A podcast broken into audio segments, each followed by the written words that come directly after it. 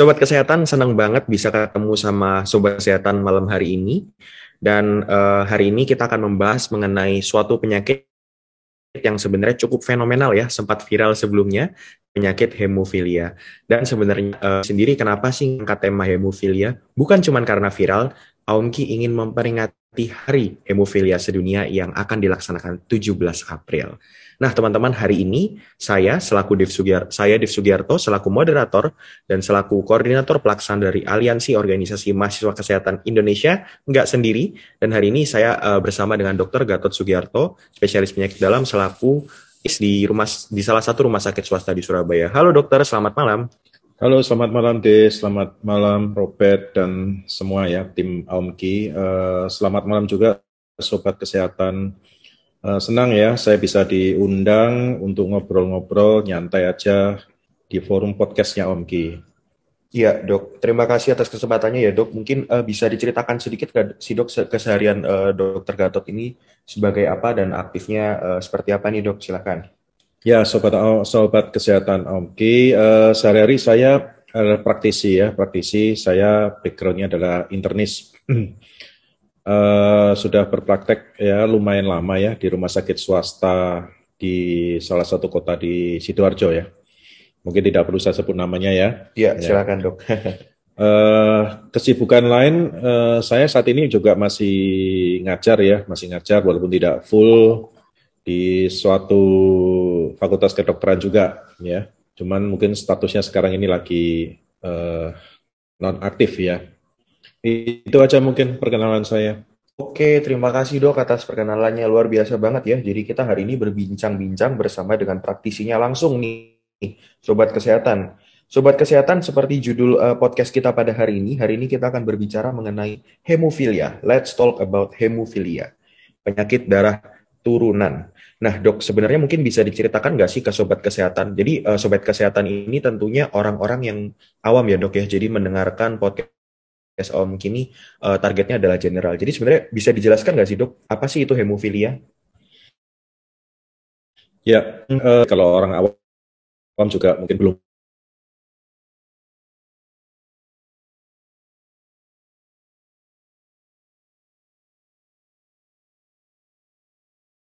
pernah ini penyebab genetik. Jadi ketika seseorang menderita hemofilia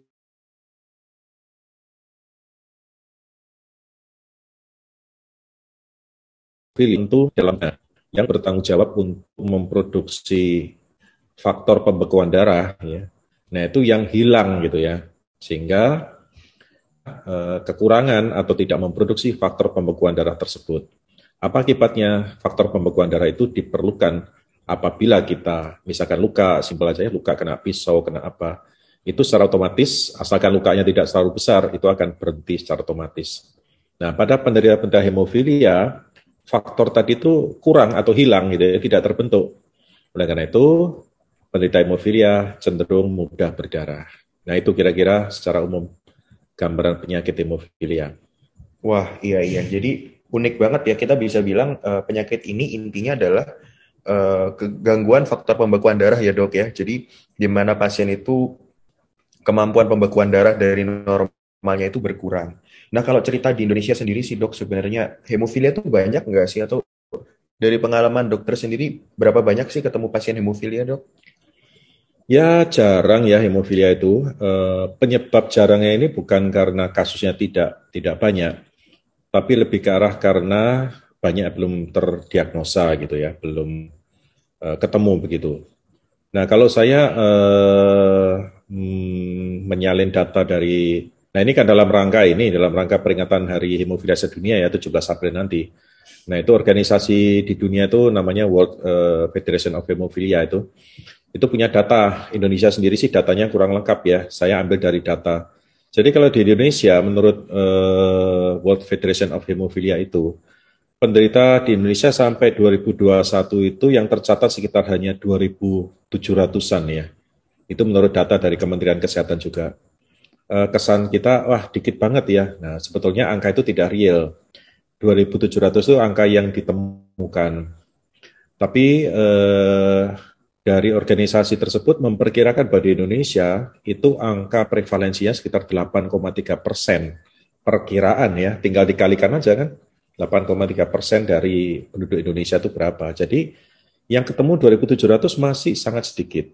Penyebabnya bukan jumlah sedikit, tapi uh, sulit untuk mendiagnosa dan sebagian juga mungkin uh, apa ya, kadang-kadang penyakit itu sudah diterita fatal tapi belum terdiagnosa. Nah seperti itu. Sementara kalau kita bandingkan dengan negara Asia, Ya, hmm. Asia itu diperkirakan yang terdeteksi sekitar 16 persen. Di kita 8,3 persen. Dunia saja itu baru 25 persen yang terdiagnosa. Jadi ada 75 persen eh, penderita hemofilia di dunia ini belum terdeteksi atau terdiagnosa. Nah itu problemnya. Jadi ada fenomena gunung es seperti yang kita ketahui ya, bahwa yang ketemu ini dikit, yang belum ketemu lebih banyak sebetulnya. Hmm, luar biasa, luar biasa. Berarti ini ya, mind blowing banget loh kalau berdasarkan angka ya selama ini kalau kita tahu uh, penyakit-penyakit dan lain sebagainya ini 2007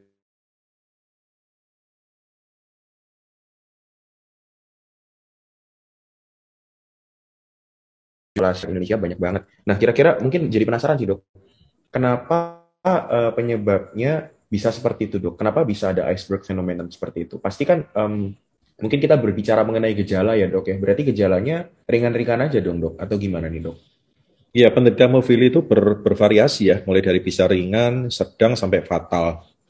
Nah, kalau yang eh, gejala ringan itu eh, biasanya orang tidak aware ya, tidak tidak tidak eh, perhatian bahwa sebetulnya dia mungkin ada gangguan pembuangan darah. Sebagai contoh mungkin uh, kena benturan dikit aja itu sudah uh, bruising ya, sudah memar ya, memar gosong kalau orang bilang sini ya. Nah itu itu juga harus diwaspadai. Banyak orang yang uh, kaki tangannya terbentur ringan gitu aja udah gosong. Nah itu anggap ah paling ini apa sih? Paling karena kecapean gitu-gitu karena apa ya sering kali itu. Yeah. Iya. Uh, lalu uh, tidak memperhatikan. Nah itu gejala yang ringan. Kalau gejala yang sedang Gejala yang sedang pun mungkin ada delay, delay diagnosa ini kemungkinan dari tenaga medis juga. Karena kasus hemofilia ini tidak tidak sering ya, jarang. Jadi faktor miss-nya juga banyak. Mungkin ada beberapa yang sudah berobat ke dokter ya, ke fasilitas uh, tingkat satu, tapi kadang-kala juga lolos ya, karena memang untuk mendiagnosa hemofilia ini tidak mudah. Kecuali kasus yang berat. Nah, kasus yang berat inilah yang paling banyak dijumpai kalau kasus berat biasanya sudah berdarah-darah begitu tanpa ada apa-apa gitu ya. Nah itu yang biasanya sudah mudah diketahui. Kalaupun di fase satunya mereka menemukan itu, mereka merujuk dan di rumah sakit uh, besar biasanya mereka sudah bisa mendiagnosa hemofili ini. Hmm, hmm, hmm. Jadi kemungkinan besar yang selama ini ketemu itu juga yang gejalanya berat ya dok ya? Ya betul, yang berat yang yang ditemukan gejala yang ringan atau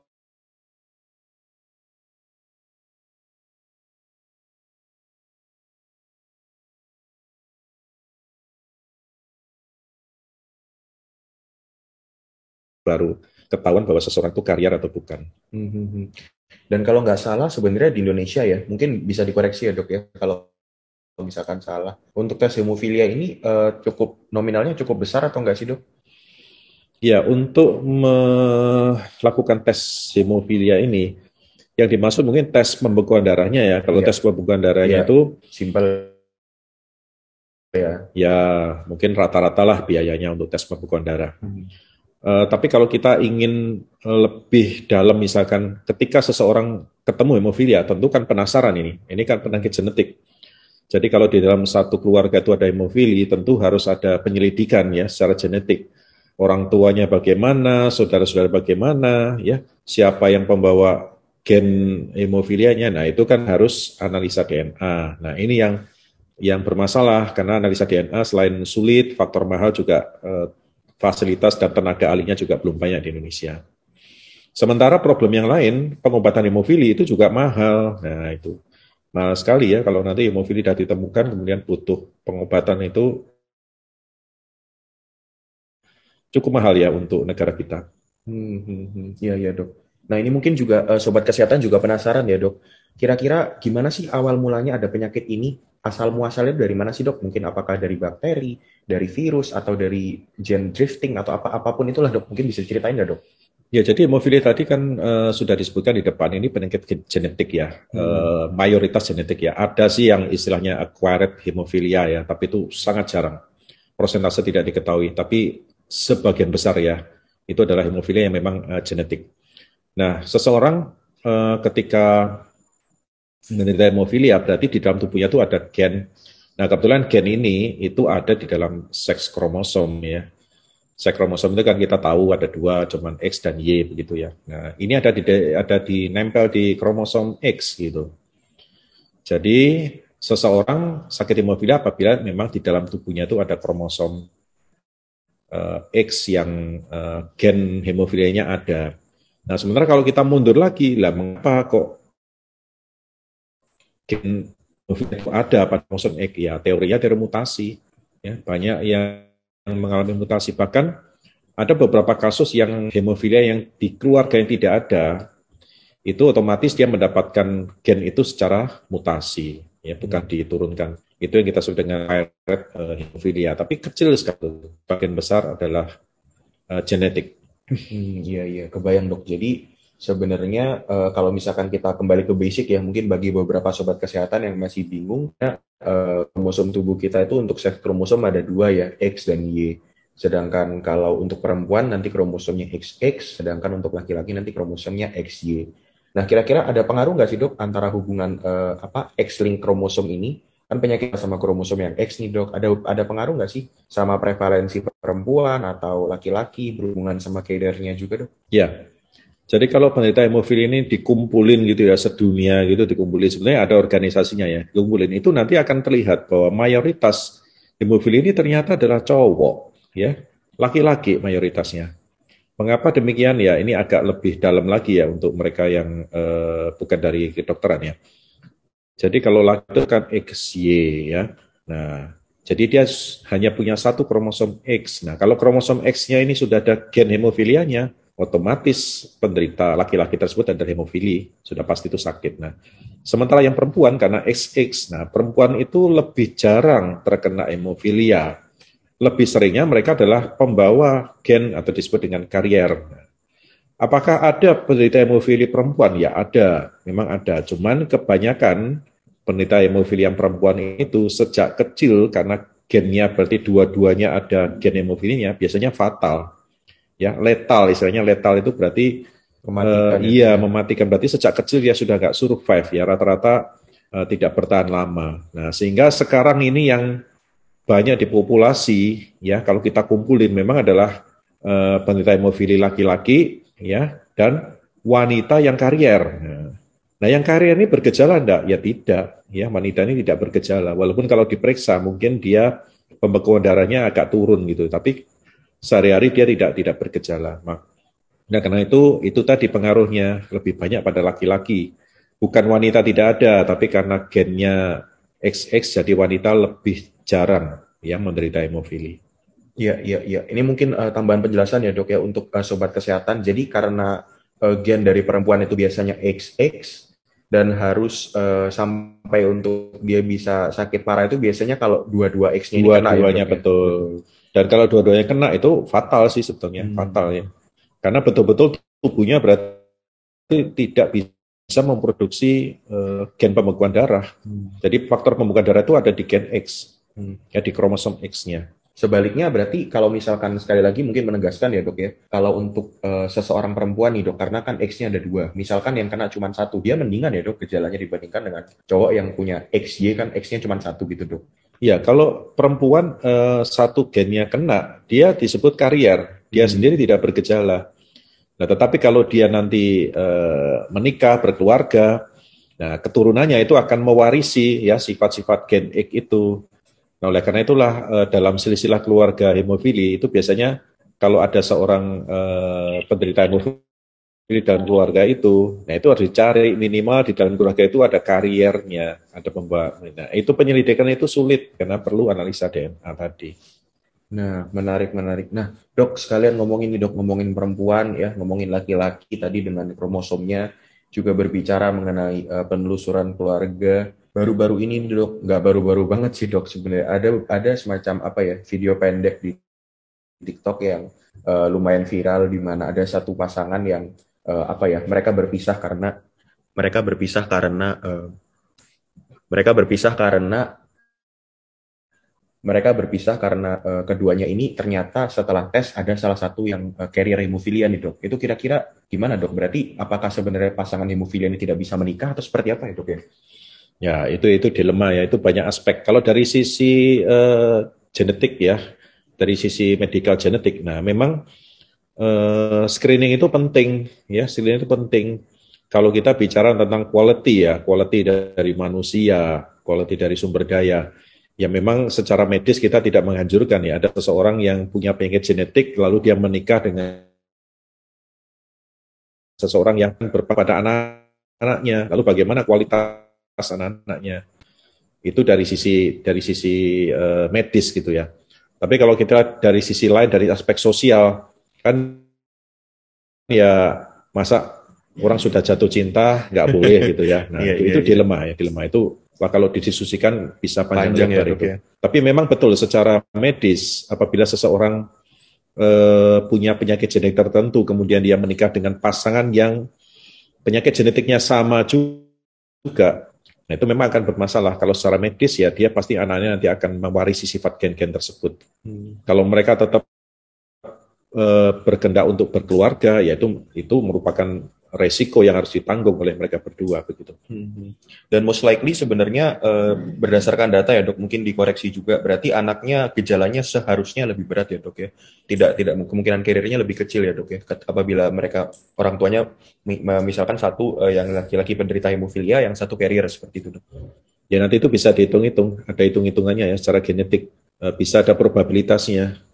Jadi sekian persen nanti akan menderita hemofilia, anak laki-lakinya sekian persen nanti mungkin akan karier. Ada sih hitung-hitungan secara matematikanya itu bisa diprediksi. Hmm.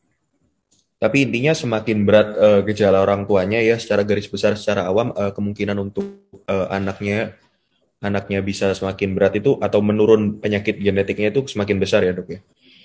Yes, semakin gen itu dominan ya, walaupun itu gen itu resesif. Jadi sebetulnya gen hemofilia ini adalah resesif. Resesif itu artinya dia tidak muncul kalau dia sendirian begitu ya. Tetapi kalau gen yang lainnya juga muncul, nah itu akan bersifat dominan. Kalau dominan ya berat. Oke oke luar biasa dok. Ya jadi kebayang ya sobat kesehatan ini adalah beberapa resiko yang mungkin uh, apa akan kita hadapi ya kalau misalkan kita deal with uh, hemofilia. Nah, berbicara mengenai resiko juga nih dok, kira-kira tadi dokter sempat mention bahwa sebenarnya pengobatannya cukup mahal. Sampai sekarang hemofilia ini ada obatnya nggak sih dok? Jadi pengobatan yang dimaksud di sini adalah pengobatan untuk mengatasi gejala hemofilianya yaitu pendarahannya. Hmm. Sementara pengobatan bahwa kalau ini genetik maka tidak bisa disembuhkan ya uh, entah kapan mungkin kelak kemudian ada sih rekayasa genetika yang mungkin bisa ya, merubah gen tersebut ya. ya mungkin bisa tapi itu kan problemnya nanti juga melebar ya ke problem etik ya uh, kemudian pengobatan tadi dimaksud adalah pengobatan untuk kan tadi problemnya adalah faktor pembekuan darahnya kurang jadi kalau penderita hemofilia itu mau kita obati, ya kita harus menambah faktor pembekuan darah tadi. Nah itu yang saya bilang masih relatif mahal ya. E, obat-obat untuk faktor pembekuan darah itu masih relatif mahal. Jadi pengobatannya mengurangi gejala atau mengurangi simptomnya, tidak menyembuhkan. Hmm, iya iya dok. Untuk obatnya sendiri itu untuk administrasinya seperti apa ya dok? Apakah obat injeksi atau obat apa yang seberapa rutin sih seberapa ini kalau untuk penderita hemofilia dok? Ya pengobatannya berupa uh, faktor pembekuan darah ya. Jadi kalau hemofilia kan ada dua ya, hemofilia A dan B. kalau yang A itu kan yang kurang faktor pembekuan 8 gitu ya.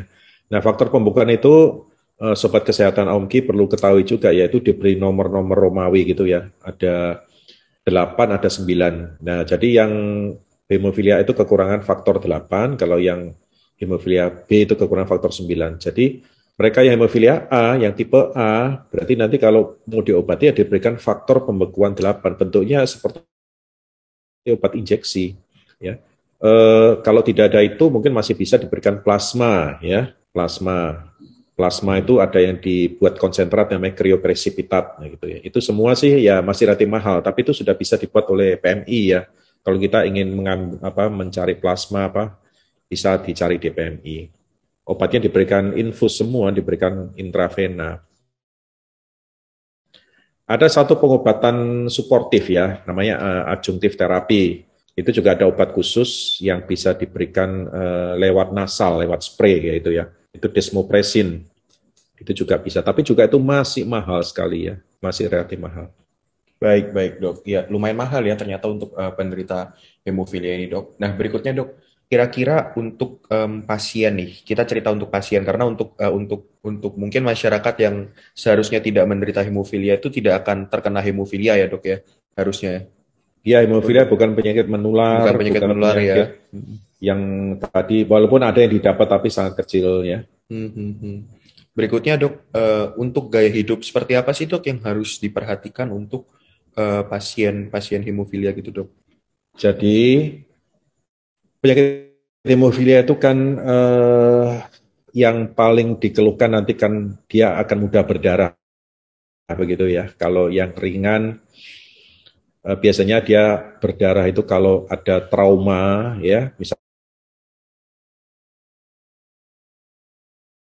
yang dia berat itu nggak ngapa-ngapain udah berdarah itu ya. Contohnya dia bisa pendarahan di ototnya ya bisa pendarahan di pencernaan bisa pendarahan di sendi-sendi itu yang paling banyak. Wow. jadi hemofili berat itu biasanya pendarahan di dalam persendian ya. Hmm. sendi mana yang paling banyak? Ya lutut ya bisa ankle bisa siku dan sendi-sendi besar terutama ya Nah, jadi kalau mereka punya hemofilia, apa yang harus dilakukan? Ya, betul-betul tadi harus menjaga aktivitasnya, ya tidak boleh eh, aktivitas terlalu berat ya. Kemudian beberapa obat-obatan juga harus diperhatikan. Beberapa obat-obatan kalau diminum sembarangan itu juga bisa memicu pendarahan. Obat-obat pengencer darah itu juga harus harus dicegah ya. Jadi kalau seorang menderita hemofilia ini kalau datang ke dokter ke mana pun harus bilang bahwa saya adalah penderita hemofilia. Tentu dokter akan memberi obat-obat yang tidak membahayakan. Yang berbeda ya. Ya, karena beberapa obat itu bisa mencetuskan pendarahan juga. Sementara tadi pasien-pasien hemofilia ini kalau lagi sakit tertentu yang kira-kira butuh tindakan itu juga betul-betul hati-hati ya. Nah yang paling simpel kan anak-anak ya hemofilia ini anak-anak terutama cowok gitu ya. Anak-anak cowok nanti kan rencana kan mayoritas kitan gitu ya. Nah itu kalau tidak diketahui sebelumnya pada saat kitan pendarahannya ya, nggak berhenti. Nah, nah itu pendarahan berhenti tidak berhenti berhenti itu bisa fatal. Ya bahkan ada kasus yang fatal pendarahan sampai meninggal gara-gara sebelumnya tidak ketahui. Nah, hmm. kalau apabila seorang menerima pilih sudah diketahui, maka kalau ada tindakan misalkan seperti anak kecil mau kitan atau yang dewasa, contoh ke dokter gigi, cabut gigi, bahkan mau tindakan operasi pun, nah itu harus betul-betul disiapkan nih, harus konsultasi dengan dokter ahlinya. Karena tindakan ini itu nanti tidak bisa dilakukan sembarangan. Harus ada persiapan khusus. Ya, ya, ya, luar biasa dok. Jadi uh, apa ya penanganan untuk pasien hemofilia ini berbeda ya dok ya dan uh, kita harus aware bahwa siapa tahu sebenarnya kita ini uh, menjadi seorang pasien hemofilia atau mungkin seorang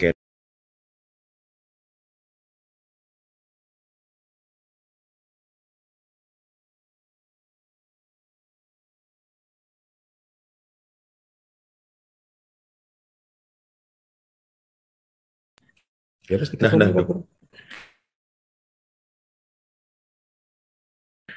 Nah, oke okay, dok, luar biasa banget materi yang di-share hari ini dok. Mungkin terakhir nih dok, uh, ada nggak sih dok yang ingin disampaikan untuk orang-orang pasien di luar sana ataupun masyarakat di luar sana terkait dengan hemofilia nih dok?